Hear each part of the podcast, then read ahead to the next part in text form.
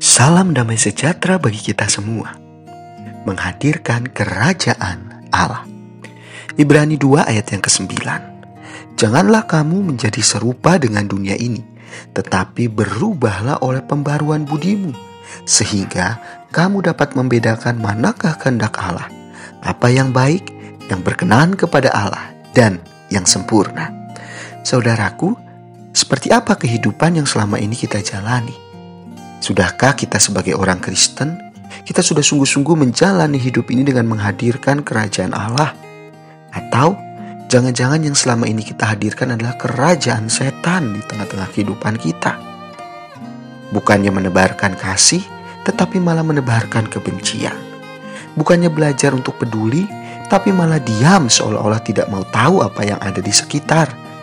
Bukannya menyebarkan Injil kabar baik, tetapi malah menyebarkan ketakutan demi ketakutan. Bukannya bersyukur atas segala hal yang sudah terjadi, tetapi malah berkeluh kesah atau bahkan menyalahkan orang lain atas apa yang telah terjadi.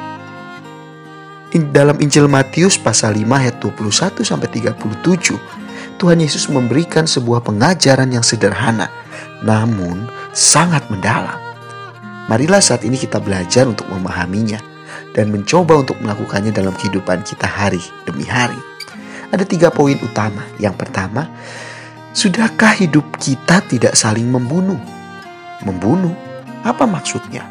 Membunuh bukan sekedar melakukan pembunuhan secara fisik, real, tetapi membunuh juga bisa dengan kata-kata. Oleh sebab itu kita harus bijak mengendalikan lidah kita. Kemudian poin yang berikutnya, Sudahkah kita memunculkan damai di tengah-tengah hidup kita? Tuhan Yesus mendorong orang bukan sekedar cinta damai, tetapi mau mengerjakan perdamaian. Oleh sebab itu, kita harus belajar mengampuni dengan tulus kepada sesama kita yang mungkin telah menyakiti kita. Poin yang berikutnya, sudahkah di dalam pelayanan kita hati kita sungguh-sungguh tertuju kepada Tuhan? Bagi Yesus, hati yang jahat sama jahatnya dengan tindakan kejahatan. Oleh sebab itu, kita harus belajar jujur dan setia mengikut Yesus, tidak bercabang.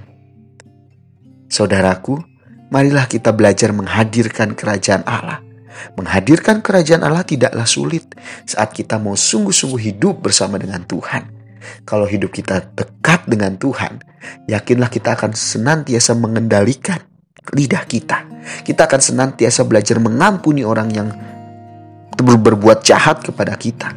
Dan kita akan selalu belajar untuk jujur dan setia mengikut Tuhan Yesus. Tidak bercabang atau mendua hati. The Lord bless you and keep you.